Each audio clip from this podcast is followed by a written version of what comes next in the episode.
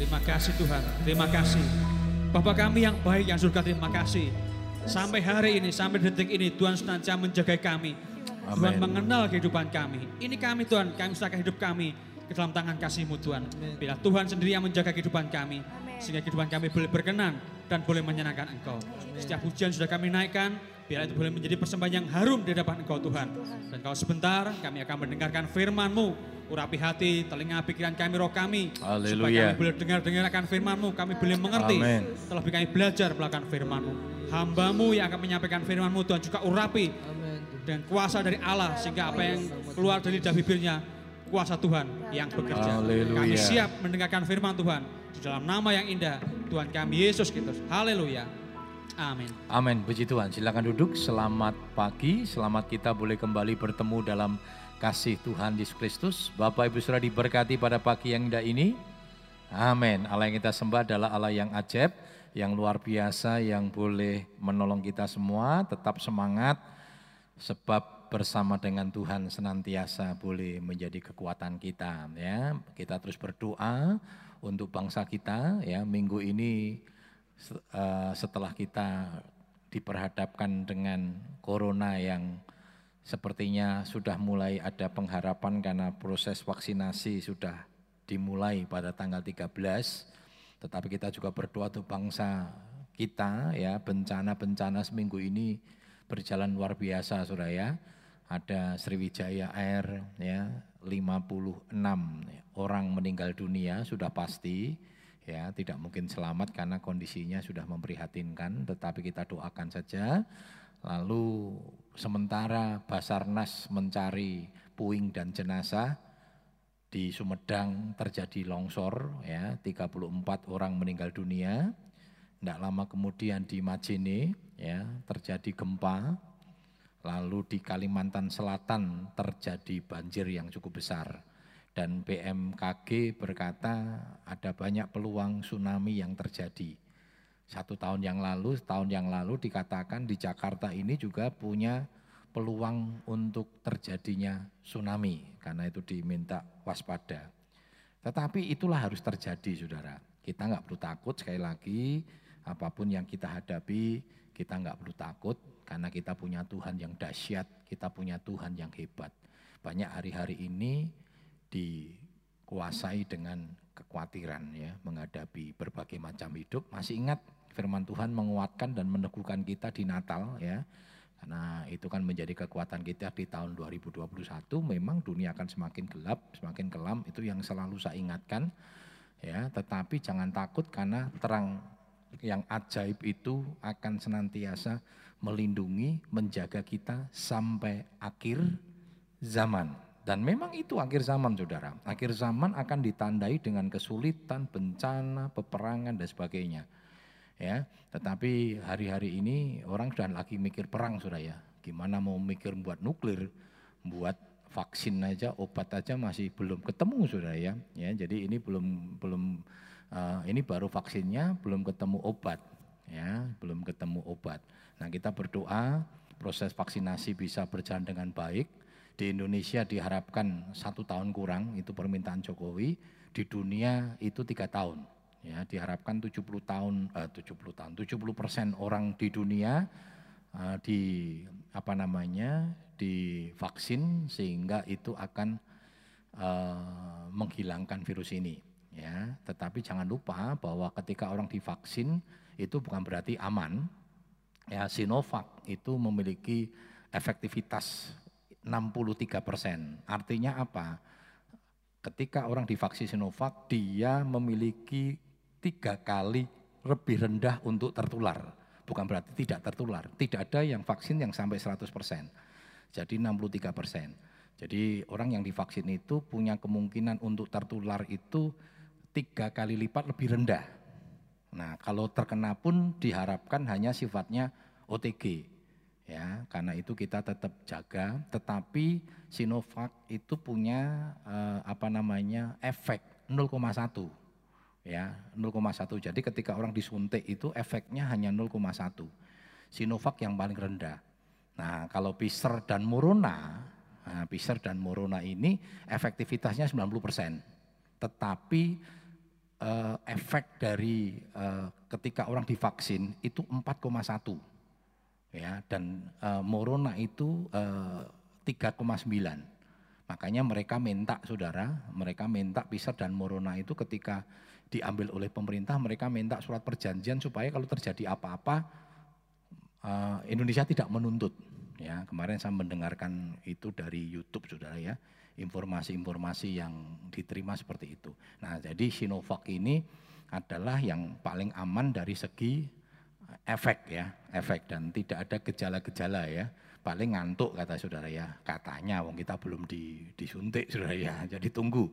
Jadi kita masuk periode bulan Mei saudara ya, masyarakat biasa akan masuk peri, eh, apa namanya periode bulan Mei Ya, ini kita doakan para tokoh-tokoh dulu, para tenaga kesehatan, ya. Kita terus doakan Saudara. Ya, banyak orang yang memberitakan berita hoak-hoak Saudara ya. Berita hoak, wah vaksin itu begini, begini, begini dan begini. Enggak usah dengarkan. Sekarang berita-berita itu membuat orang takut Saudara. Ya, bikin orang jadi berita yang tidak benar, yang tidak bertanggung jawab. Ya, cari informasi yang benar. Ya, BP POM sudah menyatakan itu aman ya MUI sudah menyatakan itu halal ya walaupun bagi kita itu bukan patokan sudah ya tetapi dua hal ini yang menyebabkan sudah sudah tidak perlu dipersoalkan kembali jadi andai kata nanti bahwa saudara dapat SMS ya sudah tunggu SMS saja ya oh ini nanti di vaksin tanggal sekian di puskesmas di mana dan sebagainya ya datang saja sudah seperti datang ke TPS sudah ya datang coblos gunakan hakmu. Nah ini saudara juga gunakan sudah hak kita. Wis dibayari gratis ya untuk menolong kita semua. Jadi mungkin Bapak Ibu Saudara kuat imunnya. Tapi jangan lupa Saudara bahwa ketika ada orang yang kena Covid aman Saudara, artinya dia tidak uh, tidak tidak parah karena ada uh, Covid itu kan sifatnya uh, apa? rendah, sedang dan berat. Ada yang mungkin hanya ringan saja sudah, tetapi dia punya peluang untuk menularkan kepada orang lain. Nah, orang yang ditularkan ini belum tentu dia memiliki daya tahan tubuh yang baik. Itu yang bahaya, Saudara. Makanya kita tidak boleh egois. Ya, memang bilang aku rapopo, aku empat hari sembuh. Memang banyak, Saudara. Banyak, Saudara, empat hari sembuh. Kenapa? Dia bagus, imunnya bagus. Dia olahragawan. Ronaldo itu kena saudara ya, pemain sepak bola. Empat hari sembuh. Kenapa? Dia olahragawan, imunnya bagus. Tetapi ketika dia menularkan kepada orang lain itu bisa membahayakan. Ya, karena itu tetap jaga protokol kesehatan. PSBB tanggal 11 sampai 25 tolong kita hormati bersama-sama. Ya, kita jaga baik-baik, betul-betul kita hormati pemerintah yang sudah bekerja keras untuk lakukan ini semua. Ya, puji Tuhan. Tetapi kita jangan takut. Amin. Amin. Banyak orang takut, saudara. Jangan takut, saudara. Firman Tuhan terus diberitakan untuk menguatkan kita semua. Kita tidak perlu takut. Toh kita ngantebi pun, andai kata kita harus mengalami pun, ya sudah serahkan semua sama Tuhan. Wong namanya virus, ya nggak ada yang yang bisa ngelihat sudah kecuali ngelihat ya. Wah virus itu teko, wah kita bisa bentengi. Kita nggak pernah tahu, sudah. Karena itu kita berdoa percaya bahwa Tuhan itu uh, senantiasa menolong hidup kita. Karena itu tema kita pada pagi yang indah ini Tuhan pertolonganku ya. Tuhan pertolonganku. Mari kita lihat sama-sama di dalam Mazmur 121 ayat 1 hingga yang ke-8. Saya undang kita bangkit berdiri, kita baca ayat ini secara bergantian. Saya baca ayat yang ganjil, Bapak Ibu Saudara baca ayat yang genap ya. Mazmur 121 ayat 1 hingga yang ke-8. Demikian firman Tuhan. Nyanyian siara, aku melayangkan mataku ke gunung-gunung, dari manakah akan datang pertolonganku.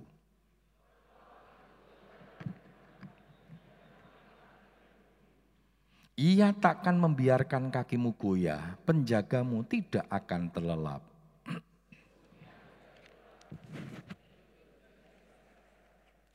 Tuhanlah penjagamu, Tuhanlah naunganmu di sebelah tangan kananmu.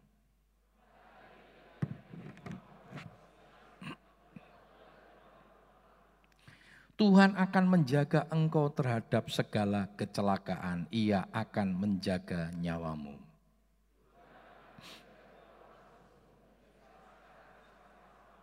Iya, puji Tuhan. Silakan duduk. Nah, Saudara, ayat ini ya diawali dengan sebuah pernyataan, aku melayangkan mataku ke gunung-gunung dari manakah akan datang pertolonganku. Ya, saya pikir ini adalah budaya orang-orang Asia. Nah bagi orang Israel, gunung-gunung itu melambangkan apa saudara? Di gunung-gunung inilah tempat pemujaan. ya Gunung-gunung itu tempat pemujaan. ya Masih ingat Allah hadir di gunung Sinai. Tetapi bagi bangsa Israel saudara, ternyata gunung-gunung itu bukan pemujaan kepada Yehova. Mereka lebih pada pemujaan kepada dewa-dewa. Dewa Baal, dewanya orang Efrat, dewanya orang Amori. Makanya masih ingat, Yosua sebelum mengakhiri kepemimpinannya ya dia nantang sudah ditantang kan apa namanya orang-orang Israel kepada siapakah kamu akan beribadah? Ya ini memang orang Israel itu tegar tengkuk saudara. Ditolong oleh Tuhan dipelihara oleh Tuhan setiap waktu setiap detik. Sementara Allah memelihara orang Israel pada waktu itu pula bangsa Israel selingkuh dengan dewa-dewa lain. Luar biasa ini orang-orang Israel ya. Makanya si Yosua ngerti sebelum kepemimpinannya dia ingatkan kembali. Kepada siapakah kalian akan beribadah? Kepada Allahnya nenek moyang orang Efrat, orang Amori, Dewa Baal, Dewa Dagon. Tetapi aku ini komitmen. Sebuah komitmen yang dibuat oleh Yosua. Aku dan seisi keluargaku akan menyembah kepada Tuhan. Nah, Mazmur ini menyatakan, dari mana datang pertolonganku? Ini sebuah pernyataan saudara. Tapi Mazmur berkata, pertolonganku bukan dari Dewa Baal. Pertolonganku bukan dari dewanya orang Amori. Atau Allah-Allahnya bangsa kafir, Allah-Allah yang mati. Yang tidak pernah ada. Ya, Allah itu nggak pernah ada saudara. Jadi Maksud saya Allah lain ya, itu nggak pernah ada karena Allah itu ya satu saudara. Allah itu satu. Ya, jadi nggak ada Allah lain di dunia ini. Ya, nggak ada Allah lain di dunia ini. Allah itu satu. Ya, artinya satu itu ya cuma Allah Yehova itu, Tritunggal itu saudara ya. Jadi nggak ada Allah lain. Itu yang disampaikan oleh oleh uh, oleh uh, Mazmur 121 oleh Daud ya. Dia berkata, pertolonganku ialah dari Tuhan. Dan pertolongan dari Tuhan ini dahsyat saudara. Melebihi kekuatan-kekuatan Dewa Baal yang tidak ada kekuatannya. Masih ingat saudara, pertarungan antara Elia dengan 400 nabi-nabi Dewa Baal. Saudara. Ya kan? Makanya dibuat sebuah uh, apa uh, keadaan yang memang rasanya itu secara manusia tidak gampang, ya, tidak gampang. Dewa Baalnya disuruh dulu nabi-nabinya 450 itu membakar. Jadi mereka punya pertandingan itu uh, ada korban tapi nggak boleh pakai api sendiri, minta dewanya yang bakar sudah, Tuhannya yang bakar. 450 sembahyang sampai ah, kelelahan sudah, sampai kelelahan capek Lalu Elia berkata, kurang keras sekali, dewamu baru tidur, kasihan tidur siang gitu. Wah teriak-teriak, mungkin terus wakil ratri so dijarah-jarah tubuhnya supaya dewa Baalnya merasa kasihan. Ya meneng wae wong dewa ra pernah ono sudah. Dewa Baal itu tidak pernah ada. Lalu Elia mengadakan demonstrasi yang luar biasa sudah ya. Karena Allahnya Elia itu dahsyat dan hidup, Yehova itu hidup sudah. Ya, dia bilang siram itu dengan air. Waduh sudah, kayak nangel sudah ya. Kayak kalau dengan api kan sulit. Tapi apinya Tuhan menyambar itu sudah. Dan akhirnya dia bunuh itu 450 nabi Baal itu sudah. Membuktikan apa? Dewa-dewa itu mati, nggak ada, kosong. Makanya bodoh sekali kita ini kalau percaya kepada Tuhan di luar Tuhan kita Yesus Kristus. Nah saudara, kenapa pertolongan kita itu betapa luar biasa saudara?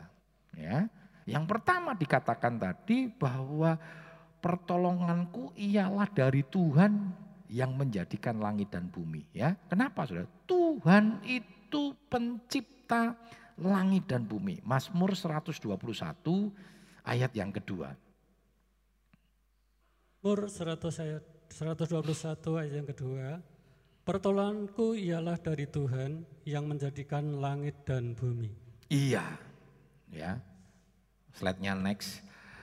Pertolonganku ialah dari Tuhan yang menjadikan langit dan bumi. Luar biasa sudah. Kata menjadikan langit dan bumi kan enggak sederhana sudah. Virus ini ada di bumi. Kenapa kita menjadi takut? Bumi aja Tuhan ciptakan, berarti Tuhan kendalikan virus ini. Lalu pertanyaannya, virus ini kira-kira ya Tuhan izinkan. Tuhan izinkan terjadi. Dan memang itu firman Tuhan. Ini saudara jangan lupa loh saudara. Bahwa ini masih masih yang ringan. Menuju akhir zaman itu akan dibuat yang lebih berat. Masih ingat ya beberapa mungkin tahun berapa? Tahun kemarin atau tahun 2019 itu. Saya pernah firman tentang cawan tentang sangkakala. Cawan itu kan dilepaskan ada sampar, ya, wadah berbagai macam perkara, saudara, yang akan terjadi di hari-hari akhir. Ya, ini Tiongkok mulai lockdown kembali. Kenapa? Gelombang yang kedua itu lebih parah sudah. Gelombang kedua itu sudah mutan. Masih ingat ya, dulu gejalanya kan orang tahu-tahu kelenger. Sekarang kan enggak diare pusing mual lah lo. Orang sekarang masuk angin wedi kabeh sudah begitu masuk angin grugus-grugus, waduh corona engko iki. Sesek engko corona. Betul sudah ya? Banyak orang yang sesek-sesek itu langsung protokolnya protokol penanganan corona. Memang karena gejalanya sesek. Makanya di swab dulu. Mati. Swab urung metu mati. Orang ngomong, "Oh, Covid, Covid," Saudara. Dikubur dengan cara protokol langsung. Hari itu harus dimakamkan karena sesek. Walaupun swabnya belum keluar, swabnya itu keluar tiga hari. Makamkan protokol rento. Jauh-jauh dibungkus nganggo plastik sudah ya. Begitu dikuburkan wis isunya covid-covid. Ternyata keluar negatif. Wis gebacut. Dan itu yang terjadi ya salah satu hamba Tuhan kita di Jakarta ya yang Bapak Saudara sempat Bapak apa namanya Max Bolang itu sudah ya. Waktu lihat kan banyak video, video beredar, yang kadang-kadang video beredar ya orang bertanggung jawab juga. Orang no keterangan nih, pakai khotbah geledak saudara, untuk mati, covid. Padahal itu enggak, waktu jatuhnya itu kena stroke, hipertensi, dibawalah ke rumah sakit, sembuh. Artinya sembuh dalam arti dia diizinkan pulang. Jadi waktu setelah dia jatuh enggak mati loh saudara. Wong kan pikirannya mati, kan enggak kan enggak ada keterangan sama sekali. Pulang saudara. Pulang uh, seminggu terus sesek. Dibawalah ke rumah sakit. Nah karena sesek di swab dulu saudara. Nah wong mati karena sesek orang kan bilangnya corona. Rame beredar itu corona, covid, covid, covid. Ya memang karena sesek sudah di gunakan protokol kesehatan. Walaupun itu bersifat mandiri ya. Kan di kuburnya di San Diego Hill saudara ya. Khotbahnya aduh saudara, enggak boleh keluarganya enggak deket-deket.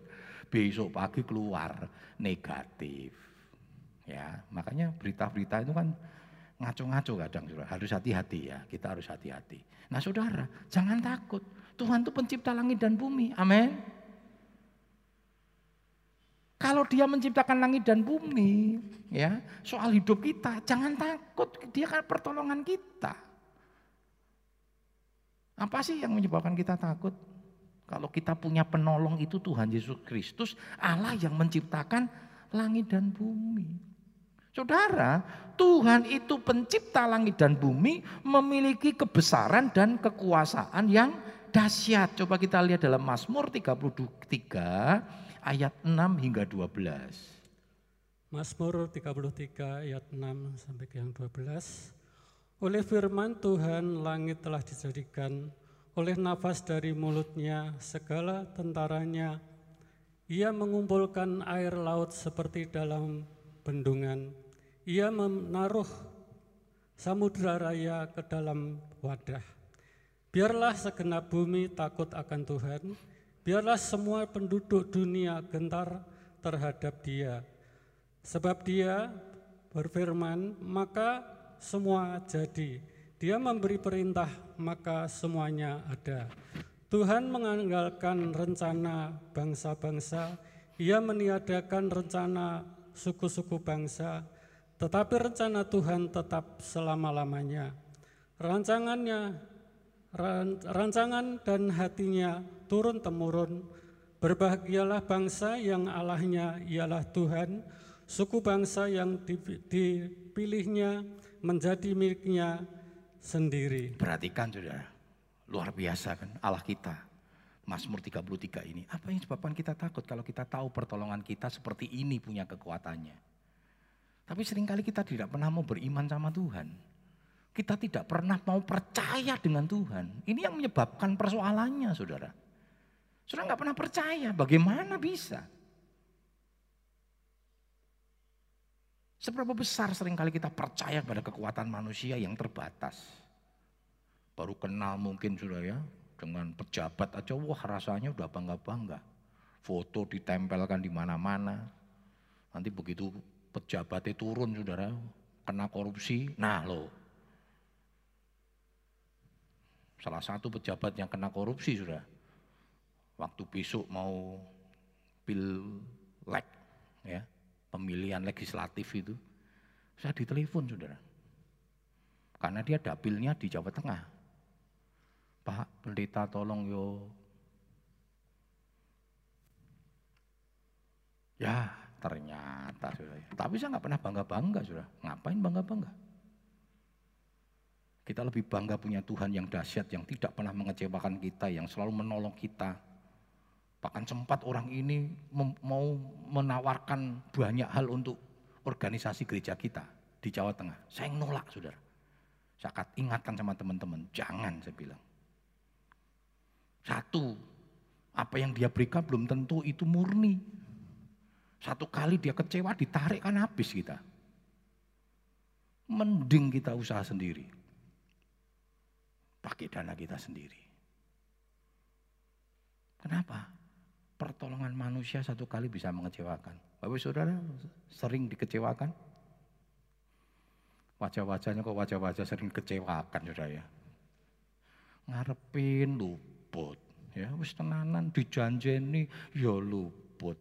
Karena itu jangan pegang janjinya manusia, pegang janjinya Tuhan dan haraplah sama Tuhan. Amin.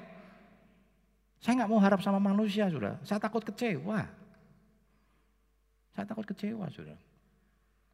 Tapi haraplah sama Tuhan yang memberikan kepastian dan janjinya ya dan amin. Amin. Cuma persoalannya kan kita nggak pernah berani hanya betul-betul kita gandol dan mempercayakan hidup kita sepenuhnya hanya kepada Tuhan. Nggak usah pegang janji-janjinya manusia. Ada orang janji, om nanti gini om ya. Ya, kan aja tuh, enggak apa-apa. Sudah mau dia mau janji, mau sok. Alah kau ngapusi. Jangan dipaitu juga saudara. Tapi jangan harap janji itu. Haraplah kepada kekuatan Tuhan. Amin. Karena Tuhan tidak pernah mengecewakan. Nah saudara, yang kedua. Tadi Tuhan itu Kenapa pertolongan kita yang kita membuat kita nggak perlu takut. Saudara. Dia itu pencipta langit dan bumi, kekuatannya dahsyat. Dia tidak pernah mengecewakan. Yang kedua, Tuhan penjaga orang percaya yang tidak pernah terlelap dan tidak pernah tertidur. Loh, luar biasa, Saudara. Enggak ada penjaga yang bisa seperti ini, Saudara. Menjaga dengan dahsyat. Coba kita lihat dalam Mazmur 121 ayat 2 hingga yang kelima. Mazmur 121 ayat 6 2 dan 5. 2 dan 5. Pertolonganku ialah dari Tuhan yang menjadikan langit dan bumi. Ia tak akan membiarkan kakimu goyah. Penjagamu tidak akan terlelap, sesungguhnya tidak terlelap dan tidak tertidur penjaga Israel. Tuhanlah penjagamu, Tuhanlah naunganmu, dia sebelah tangan kananmu. Iya, dikatakan dia tidak pernah terlelap, dia tidak pernah tertidur. penjaga yang luar biasa. Penjaga-penjaga biasanya paling berat jam malam sudah ya. Nek ono tugas. Kalau kalau di rumah sakit nek ono pa pasien. Kalau tidak ada pasien, petugas-petugas ada yang petugas rumah sakit di sini. Biasanya kalau si malam itu kalau tidak ada pasien ngapain sudah? Ya turu sudah ya, wah turu ada tempat kamar-kamarnya itu. Memang kalau pas ada pasien ya luar biasa. Dulu sempat seksi keamanan sampai uh, bilang, Om minta kasur Om buat di satpam. Saya bilang, buat apa? Kalau malam, lah ngapain ngono jenenge tugas malam. Yo nek karo ngantuk-ngantuk terus pepel ora apa-apa Saudara. Saya sih nggak cek Saudara. Saya tahu, saya nggak cek Saudara. Kalau dicek mungkin yo turu juga Saudara. Allah kita nggak pernah jaga ini Saudara. Allah kita nggak pernah terlelap loh. Menjaga kita. Waktu engkau sakit tengah malam. Mungkin suami kita jaga kalau teklak tekluk Saudara ya. Tapi Tuhan itu jaga, nggak pernah terlelap. Orang tua ketika anaknya sakit, ya pasti pernah pengalaman itu sudah ya. Anak saya sakit tengah malam, aduh kita nggak bisa tidur ya. Ya ora, ya turu, kadang duduk anaknya tidur di samping kita di sampingnya kalau tepuk-tepuk sudah. Itu tangi meneh sudah ya. Betul nggak? Nggak mungkin 24 jam kita menteleng saudara. Karena kita memang keterbatasan, kita nggak mampu. Kita nggak mampu. Fisik kita lemah. Tapi Tuhan tidak pernah terlelap, tidak pernah tertidur. Jadi jangan takut saudara. Ketika engkau merasa sendiri, engkau ditinggalkan banyak orang, engkau tersolimi, enggak ada orang yang bela kita ketika engkau tersakiti. Tuhan itu ngerti, dia perhatikan karena dia tidak terlelap dan tidak tertidur. Jadi jangan pernah berpikir ketika engkau punya persoalan terus Tuhan nggak ngerti sudah. Engkau nangis dewi sepertinya, waduh enggak ada orang ngerti.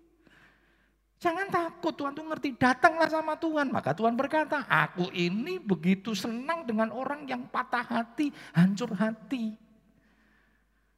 Sebab orang kalau hancur hati, datang sama Tuhan kan, wah tenanan. Oh Gusti. Tapi nek sehat kon sembayang. Oh, haleluya, haleluya. Haleluya. Sembayang gitu ya. Oke, anu kadang sok lali ya, ya. sembayang lima menit itu kan nonton sinetron lima menit sedilok banget saudara ya. Berapa banyak kita marah ya nonton wah Korea rong jam gitu ya. Alah cepet banget wis bari wis. Rong jam ini cepet banget saudara. Sembayang lima menit saudara. Coba nanti ada yang suruh saya suruh doa. Doalah lima menit. Kan banyak yang ngutuk nanti. Lah apa ngomong kesuwan cewek ra umum kok ana wae sing diomongke lho. Luar biasa, Saudara. Luar biasa itu. Maka Tuhan ngomong, orang yang datang sama Tuhan nek agak masalah curhat Tuhan, waduh, orang kroso sudah ya, nangis malam-malaman Tuhan. Allah kita dahsyat. Saudara, pemeliharaan Tuhan, perhatian Tuhan dikatakan dia nggak pernah telat tidur itu apa? Untuk mengontrol kita, untuk memperhatikan kita. Bahkan perhatiannya saudara, firman Tuhan katakan apa? Rambut wong percaya, rambut kita saudara, itu dihitung sama Tuhan loh. Saudara pernah tahu rambutmu rontok sehari berapa helai? Tahu nggak saudara? Nggak pernah. Pasti ada rontoknya loh saudara, betul nggak? Saudara kalau iklan rambut, eh iklan rambut apa itu? Iklan apa? Sampo. Enggak pernah itu. Terus iklannya itu sama sekali orang rontok kan enggak. Jadi awalnya rontoknya banyak, terus rontoknya tinggal satu, dua, tiga kecil gitu. Artinya rontoknya kecil. Dan kita tidak pernah memperhitungkan, tapi Tuhan perhitungkan itu. Coba kita lihat dalam Matius 10 ayat 29 hingga 31. Matius 10 ayat yang ke-29 sampai 31. Bukankah burung pipit dijual dua ekor seduit? Namun seekor pun daripadanya tidak akan jatuh ke bumi di luar kehendak Bapamu. Dan kamu rambut kepalamu pun terhitung semuanya. Sebab itu janganlah kamu takut karena kamu lebih berharga daripada banyak burung burung pipit. Perhatikan saudara, dikatakan apa? Burung pipit tidak akan jatuh di bumi di luar kehendak Bapamu. Jadi, apalagi kita dikatakan orang percaya. Rambutmu aja dihitung sama Tuhan. Ini bukan istilah. Ini bukan istilah, ini realita, ini kenyataan. Terlalu mudah Tuhan menghitung rambut kita. Yang bagi kita itu sulit. Rambut aja diperhatikan sama Tuhan, sudah. Apalagi persoalan hidupmu. Makanya jangan pernah berpikir, jangan pernah berpikir negatif sama Tuhan. Waduh Tuhan tidak ngerti, Tuhan tinggalkan. Tuhan gak pernah tinggalkan, yang tinggalkan kita saudara. Tuhan tuh gak pernah tinggalkan manusia. Posisi Tuhan tuh digambarkan seperti anak sulung dan anak bungsu saudara. Bapaknya tetap. Anak bungsunya yang kurang ajar, minggat. Jaluk harta benda, minta warisan. Dikasih tinggalkan saudara. Dia tinggalkan, senang-senang saudara. Sampai bangkrut baru dia ingat ya. Waduh, nek di rumah papaku itu pembantu saja diopeni, pembantu diopeni, diperhatikan, disayangi. Waduh aku tak pulang saja. Tapi dia tahu diri. Dia sudah bersalah. Dia nggak mau pulang minta hak sebagai anak. Karena dia sudah merasa haknya diambil sudah. Apa yang kita lihat di Alkitab berkata ketika dia pulang saudara. Bapak itu di depan pintu loh saudara. Ngeliatin sedang apa? Sedang menunggu dia pulang. Itu posisi Tuhan. Kalau ada anaknya yang terhilang saudara. Hati bapak hancur. Dan dia menunggu untuk satu kali anaknya kembali pulang. Itu hati Bapak. Makanya kalau ada yang bilang kesabaran Tuhan ada batasnya itu sesat. Saudara. Kesabaran Tuhan nggak ada batasnya. Seberapa besar, kita tahu Paulus itu dosanya seperti apa. Saudara. Tapi dia kembali diterima oleh Tuhan. Kalau kita dihukum itu bukan karena kesabaran Allah ada batasnya. Tetapi itu adalah keadilan Allah. Karena setiap dosa ada hukumannya. Ada konsekuensi dosa sudah yang harus ditanggung oleh setiap manusia. Tapi Tuhan konsekuensi yang paling parah upah dosa ialah maut itu sudah ditebus oleh Tuhan. Allah kita luar biasa sudah. Dia memperhatikan kita begitu dahsyat. Ada yang hari-hari ini merasa tidak diperhatikan Tuhan. Minta ampun sama Tuhan. Karena Tuhan mencintaimu. Tapi aku nggak ditolong. Itu kan waktu kita. Kita sering kali berpikir kalau hari ini butuh duit terus ceplok. Ono orang kaya lewat rumah kita berhenti nggak bisa kauper. Itu kan cara kita. Itu kan jalan kita. Firman Tuhan jalanku bukan jalanmu. Dan cara Tuhan menolong kita itu dahsyat saudara. Seringkali kita merasa tidak ditolong Tuhan karena saudara sudah punya format, bentuk pertolongan Tuhan. Saudara butuh duit terus sembayang. Wah, sudah format. Wah, coba nek ono wong suge hari ini aku dibel terus dibilang, "Oh, rekeningmu berapa?" Itu kan cara kita. Jangan pernah berpikir ketika cara kita ini tidak terjadi, lalu kita berpikir Tuhan tidak menolong. Izinkan Tuhan menolong dengan caranya yang ajaib. Caranya yang luar biasa. Saya boleh katakan sampai detik ini, sampai hari ini. Saya selalu menerima pertolongan Tuhan dengan cara Tuhan. Bukan dengan cara saya. Saya mengizinkan Tuhan yang punya cara. Kau selalu punya cara untuk ke betul ya? Untuk menolongku. Inilah efek dari LCD saudara ya. Biarkan Tuhan punya cara. Yang ketiga, tadi Tuhan menjaga. Kenapa dia penolong kita yang dahsyat? Dia pencipta langit dan bumi. Yang kedua, dia tidak pernah lalap dan tidak pernah tertidur. Yang ketiga, Tuhan selalu menjaga kehidupan orang-orang percaya. Mazmur 121 ayat 6 sampai 8.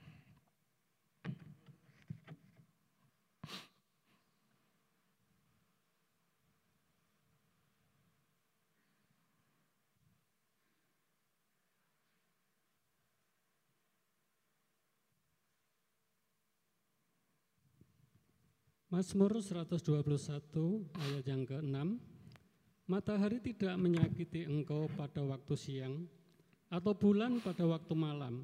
Tuhan akan menjaga engkau terhadap segala kecelakaan, ia akan menjaga nyawamu.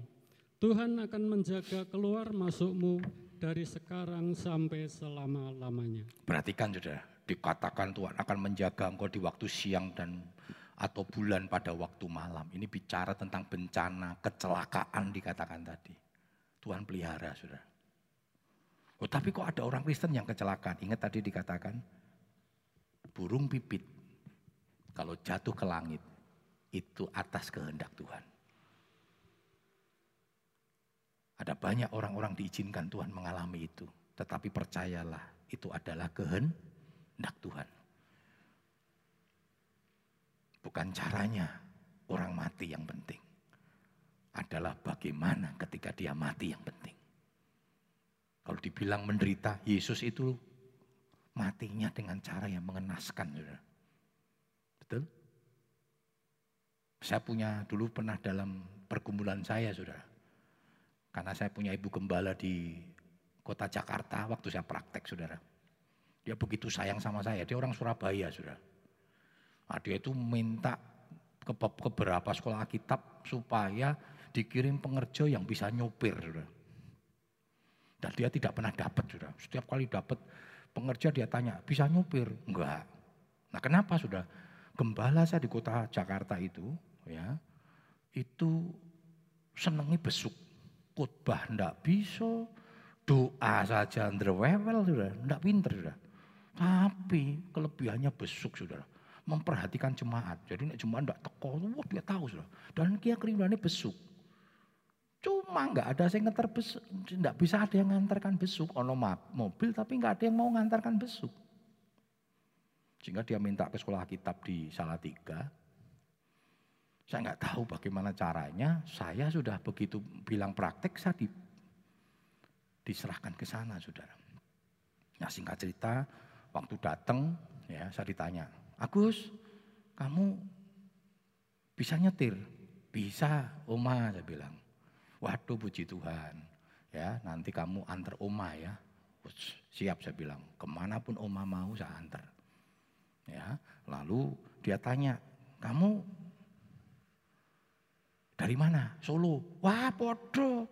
Tante wong Surabaya, opanya orang Solo tapi pas sudah meninggal podo wong Jawa nih kata gitu. Waduh, ya sayang bener sama saya.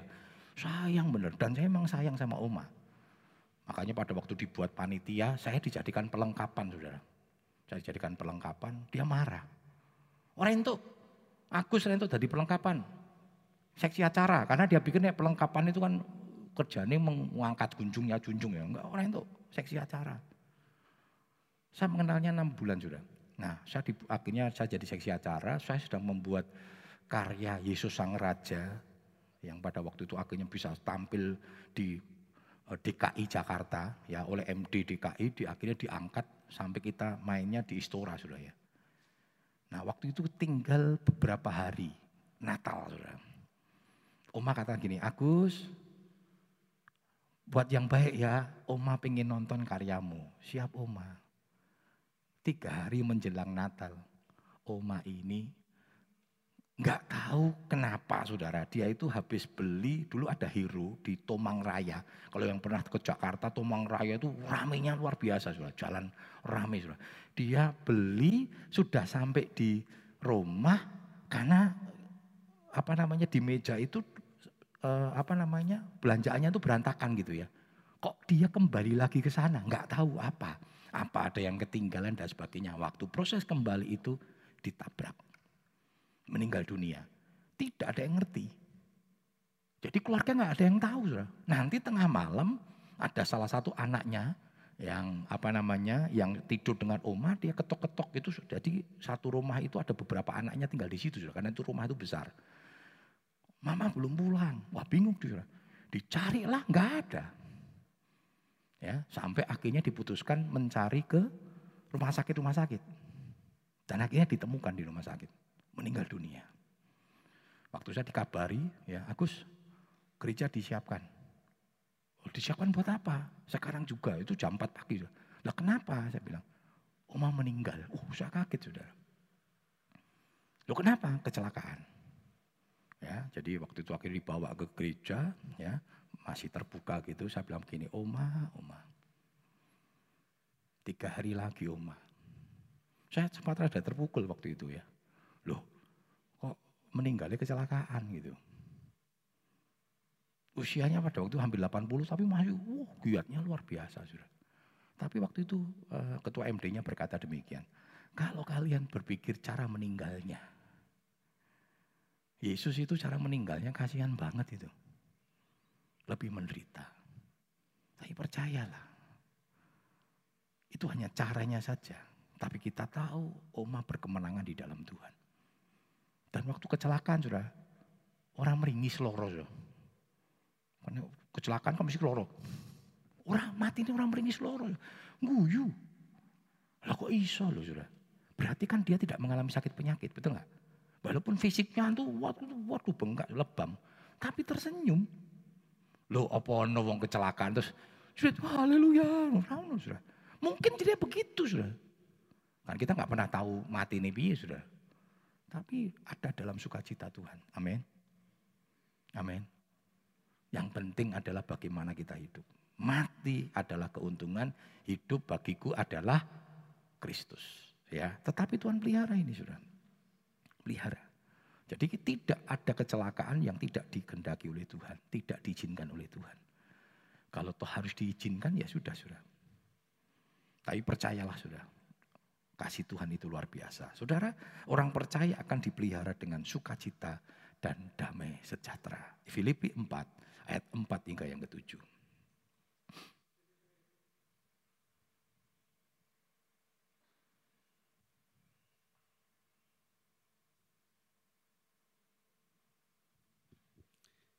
Filipi 4 ayat yang 4 sampai 7.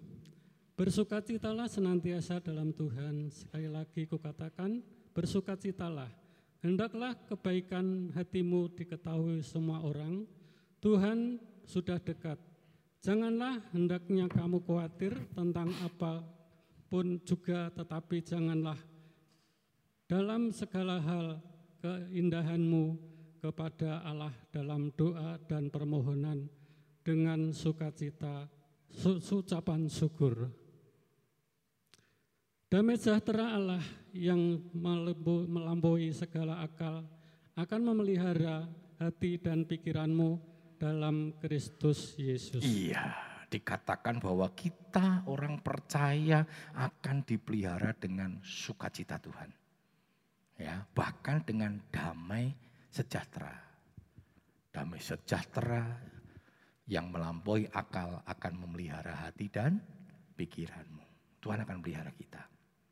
Mari Bapak Saudara di pagi yang indah ini firman Tuhan mengingatkan dan meneguhkan kita kembali kita punya penolong. Tuhan yang dahsyat. Tuhan pencipta langit dan bumi. Tuhan yang tidak pernah terlelap dan tidak pernah tertidur. Bahkan Tuhan akan menjaga kita. Bahkan keluar masuk kita. Dipelihara dan dijaga Tuhan. Karena itu mulailah hidupmu selalu dengan doa dan ucapan syukur. Ketika engkau ini melalui hari ini, lewati hari ini dengan doa dan ucapan syukur. Ketika engkau akan mengakhiri hari ini, ya, engkau mau tidur dan sebagainya, akhiri dengan doa dan ucapan syukur kepada Tuhan. Itu yang jangan pernah lupa. Saudari Dian, Pak kita dalam doa.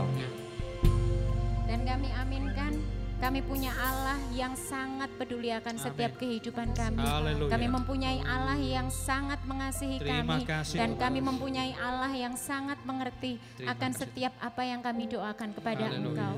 Mungkin jawaban yang kami doakan tidak saat ini Tuhan, ya, tapi Tuhan. kami percaya Tuhan Amin. sampai waktunya Tuhan tepat sampai Tuhan Haleluya. mengatakan ya atas setiap doa-doa kami.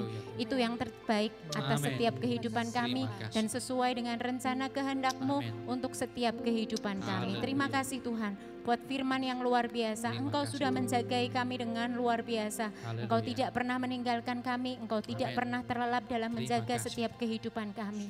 Dan biarlah setiap hidup kami Tuhan mempermuliakan nama Engkau. Kami tetap menjaga iman kami senantiasa ada di dalam Engkau. Sehingga Engkau disukakan atas setiap kehidupan kami. Terima kasih Tuhan, terima kasih terus meteraikan firman-Mu dalam setiap kehidupan kami dan biarlah kami menjadi pelaku-pelaku firman Tuhan. Kami boleh menjadi berkat di mana pun kami berada, dalam keluarga kami, dalam pekerjaan kami, dalam sekolah kami, dalam lingkungan masyarakat kami, di mana pun kami berada. Kami boleh memperkenalkan Tuhan Yesus kepada setiap orang-orang yang kami temui. Terima kasih Tuhan.